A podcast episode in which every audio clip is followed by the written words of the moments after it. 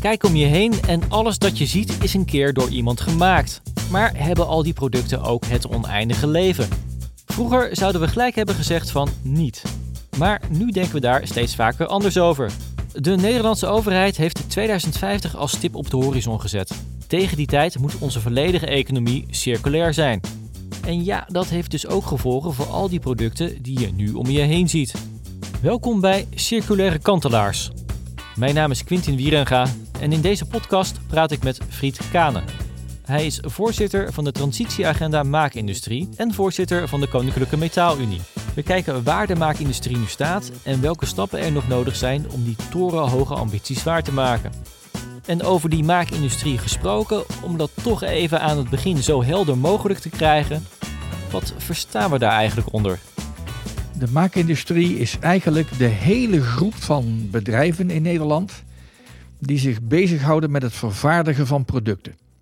En wat bedoel ik daarmee? Niet zozeer de bedrijven die zich bezighouden met het maken van grondstoffen. In Nederland halen we die trouwens vaak uit het buitenland. Maar die zich uh, bezighouden met het verwerken van grondstoffen tot halffabrikaten en vervolgens van halffabrikaten tot eindproducten. En dat kan een hele brede keten en diepe keten van bedrijven zijn. Die allemaal aan elkaar die elementen leveren, die onderdelen leveren. En de, uh, uh, dat noemen we met elkaar de maakindustrie. Ja, dat klinkt voor mij ontzettend breed. Zijn er praktische voorbeelden van te geven aan wat voor producten ik dan moet denken? Ja, om te beginnen natuurlijk aan consumentenproducten. Hè. Veel van wat je in de winkel ziet liggen aan, aan, aan dingen die je moet kopen. Denk aan de blokker, dan moet dat ergens gemaakt zijn. De stofzuiger, stofremblik. Ja, dat, dat begint het mee. Maar ook een bakje wat hier op tafel staat enzovoort. Dat is allemaal een keer gemaakt. En uh, vaak zitten, zitten dat, uh, zijn dat meerdere componenten. Kunststof, metaal, eventueel hout erbij bij elkaar. En dat allemaal noemen wij uiteindelijk, dat noemen we dat, die, die hele groep van bedrijven, noemen wij de maakindustrie. Het is een van de pijlers van de Nederlandse economie. Een sector waarin honderdduizenden mensen werken. Om die sector in 2050 helemaal circulair te hebben, is niet eenvoudig. Zeker niet voor een sector die zoveel grondstoffen gebruikt. Er is eigenlijk een hele omslag in de manier van denken nodig. Circulair worden is net zo moeilijk als stoppen met roken. Ik bedoel, de generaties voor ons, de generaties van, in de generaties van onze ouders, was roken de norm. En bij mijn ouders eh, stond, als er, als er visite kwam, stonden de sigaretten en de sigaren in een keurig in een doosje op tafel. Nu vinden we roken niet meer de norm. Ehm, kijk even hoe lang dat geduurd heeft, hoe lang je dit moet volhouden. En hoe lang je, welke stappen je allemaal moet zetten en waar de kantelpunten zitten. En op enig moment zie je een aantal versnellingen daarin. Op enig moment mocht je niet meer roken in bedrijven. Vervolgens gingen mensen, een aantal, de meeste mensen gingen het thuis dan ook maar niet meer doen, maar gingen alleen nog maar roken op het balkon of in de tuin. Want ze vonden het ook niet meer zo prettig. Enzovoort. Uh, nu zitten we in de fase dat de, uh, de, daar waar je je rookwaren kunt kopen, dat dat wordt ingedampt. Uh, en, maar dat zijn de latere fases. De eerdere fases weet ik niet zozeer. Hè. Dat was natuurlijk heel veel aan bewustwording werken in die eerdere fases. Met let op, roken is slecht voor je. je kunt er kanker van krijgen, et cetera. Nou, dat soort fases van andere van andere de, de, de situaties. Daar moeten we van leren. En we moeten beseffen en, en dus volhouden eh, dat het zo lang duurt.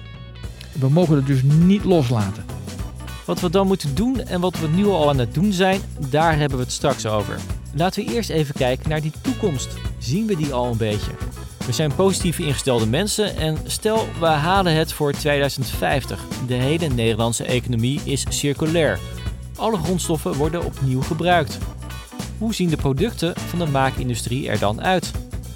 Dan zitten er bijvoorbeeld veel meer componenten in die een eerder leven hebben gehad en die nog goed waren.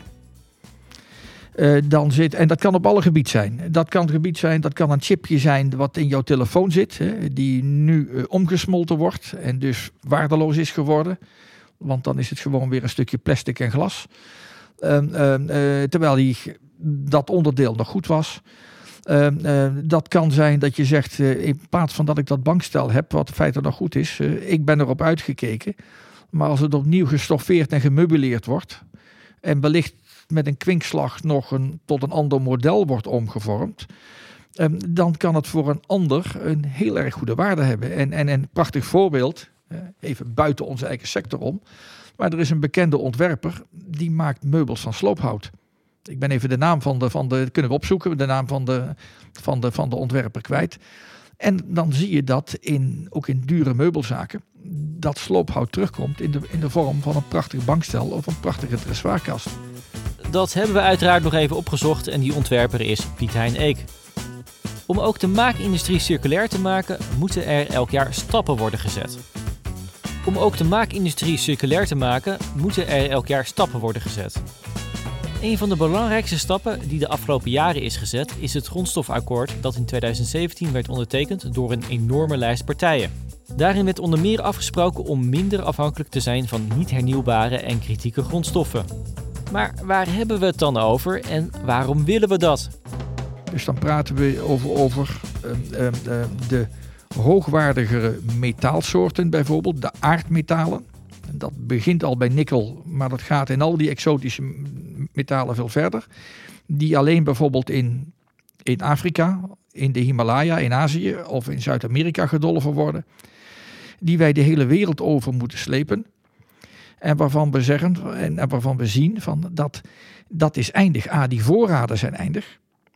En wil je, dat, wil je de druk, hè, omdat het gebruik toeneemt en de voorraden beperkt zijn, de, de economische spanningen, de wereldspanningen niet laten oplopen, dan moet je zorgen dat je daarvan onafhankelijker wordt. Nou, kijk naar onze positie in West-Europa. Wij zitten met een paar honderd miljoen mensen op een kluitje in West-Europa met een heel hoog welvaartsniveau, met een hoog consumptieniveau, maar met een gebrek aan deze grondstoffen. Op zich hoeft dat niet erg te zijn. Alleen het is zo verdraaid vervelend dat je zegt, eh, nadat ik mijn, eh, mijn, mijn producten, eh, eh die grondstoffen die verwerkt zijn in dus honderden, duizenden verschillende soorten producten. Als het die producten ten einde zijn, dan dump ik het of dan smelt ik het om. Maar met het smelten verdwijnt het in de algemene pot en heb ik er niets aan.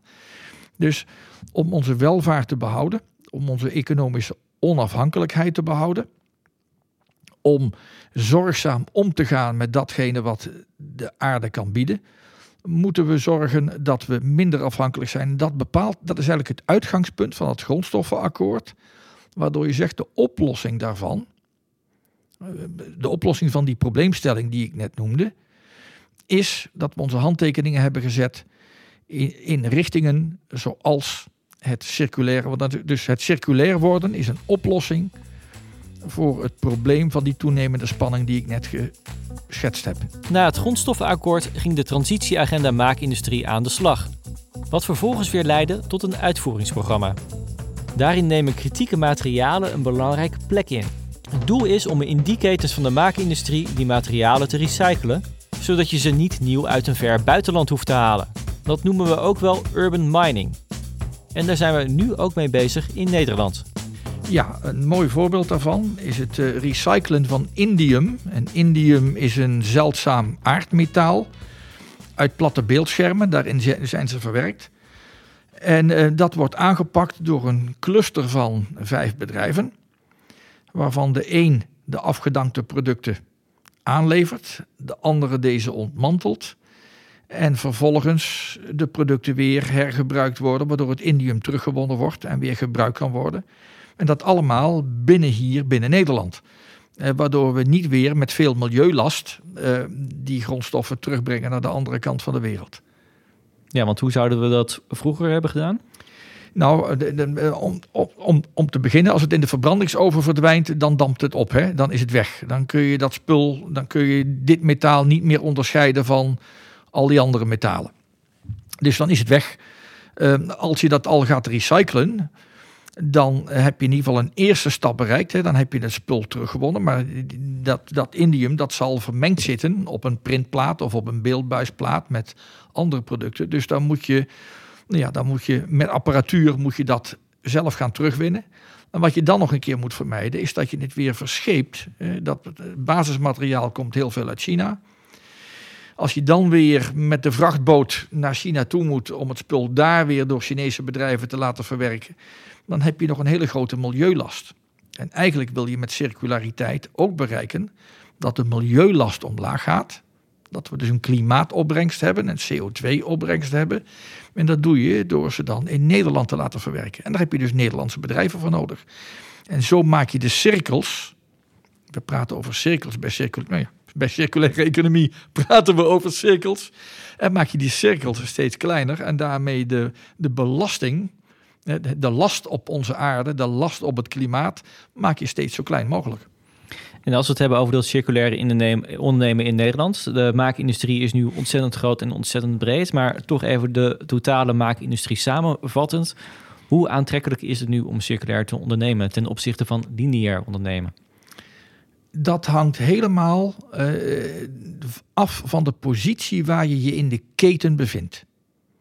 En daar bedoel ik mee.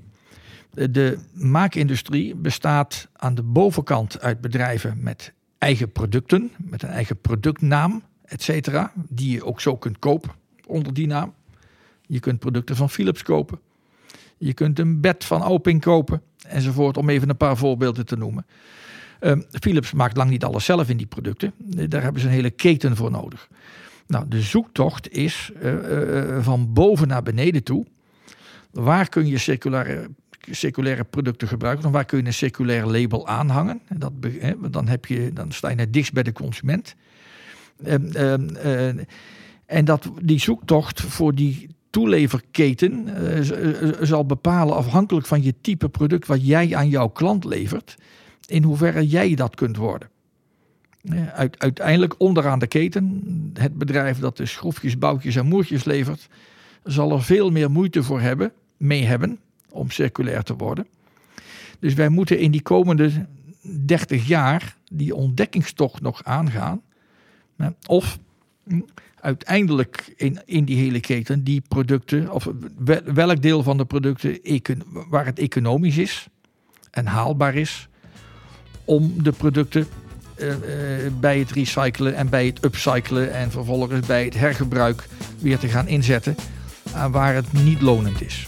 Wie bovenaan de keten staat, die heeft dus de sleutel tot het aanjagen van circulariteit in de handen. Dat is gelijk een mooi bruggetje naar onze kettingvraag.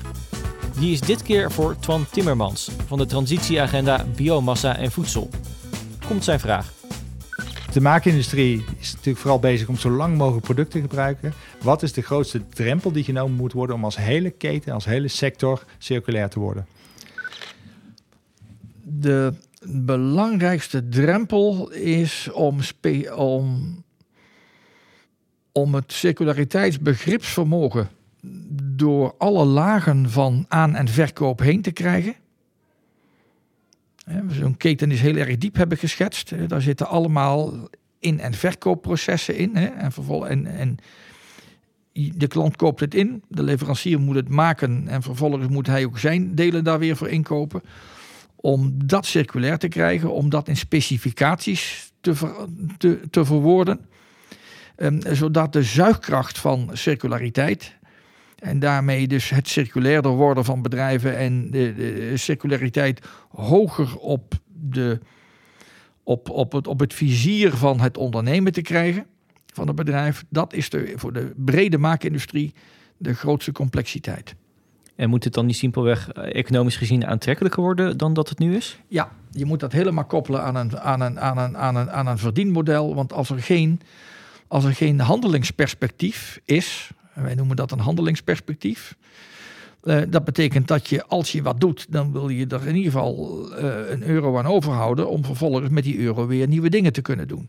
Nou, mensen zijn best bereid, ook ondernemers, om dat in de circulaire richting te doen. Iedereen snapt het einddoel van die brede duurzaamheid. Maar we moeten, er moeten dus nog stappen gezet worden om mensen de, goede richting uit te krijgen. En wie moet die stappen zetten? Is dat wellicht ook de overheid? Ja, dat is zeker de overheid. De overheid moet dat zeker doen. We hebben een fase achter de rug van de afgelopen jaren dat we met elkaar, overheid en bedrijfsleven, aan het experimenteren zijn gegaan.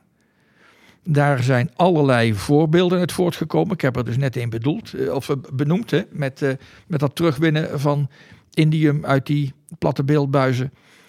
Dat is alleen maar een voorbeeld. We moeten nu, willen we een verbreding krijgen en een verdiepingsslag krijgen, ontkomen we niet aan kaderzettende wetgeving. En wat is kaderzettende wetgeving? Ik bedoel daarmee dat we, dat we uh, uh, door gebots- en verbotsbepalingen, bij voorkeur op Europe Europees niveau, de richting aangeven in stappen van vijf tot zeven jaar. Uh, welke kant je uit moet bewegen. Dus wat straks niet meer mag, of wat we stimuleren eh, dat nu wel gaat en waar je bedrijven nu in meekrijgt. Dus we moeten door, met, door uh, enerzijds subsidiëring, anderzijds een, hand, een halt toeroepen, uh, moeten we als overheid ehm, het bedrijfsleven begeleiden in die circulaire richting. Want dan, en, en dan past, dan eindigt dat. Nee, dan creëer je namelijk binnen Europa een gelijk speelveld, een level playing field. Want bedrijven kijken heel sterk naar, ja, als ik iets moet doen, en het is een verplichting voor mij, moet mijn buurman het dan ook? want uh, als mijn buurman het niet hoeft en ik wel, dan heb ik een economische achterstand. Dan moet ik iets investeren wat geen geld oplevert. Dus we moeten een level playing field creëren. Dat kan niet als Nederland alleen. Dat moeten we binnen Europa doen. En eigenlijk is dat ook wat de Green Deal van Frans Timmermans aangeeft. De Green Deal is een reeks van beleidsinitiatieven van de EU om Europa tegen 2050 klimaatneutraal te maken. Friet Kane vindt het idee uitstekend, maar er vindt de deal nu weinig concreet. Hij wil dat de gelijke regels voor iedereen binnen de Europese Unie gaan gelden. En dat er tegelijkertijd meer actie wordt ondernomen op de geopolitieke vraag: wat halen we nog van ver? Denk als maatregel dan bijvoorbeeld ook aan het invoeren van invoerrechten. Want als we die ambitie willen halen, de Nederlandse economie circulair in 2050, dan hebben we Europa nodig. Maar we zullen zelf ook flink aan de slag moeten. Als voorzitter van de transitieagenda Maakindustrie is het dan ook de ambitie van Friet Kane om de komende jaren flinke stappen te gaan zetten. Ik wil naar een versnelling en een verbreding toe. Wij zitten nu in een, in een opstartfase. We hebben net de voeten in het badwater gehad. Ik bedoel tot aan de enkels. Met andere woorden, we hebben geprobeerd en we hebben gekeken. Zoals het met het leren zwemmen als kind, zoals dat gaat. Um, um, um, wij denken dat 2050 nog ver is. Het tegendeel is waar.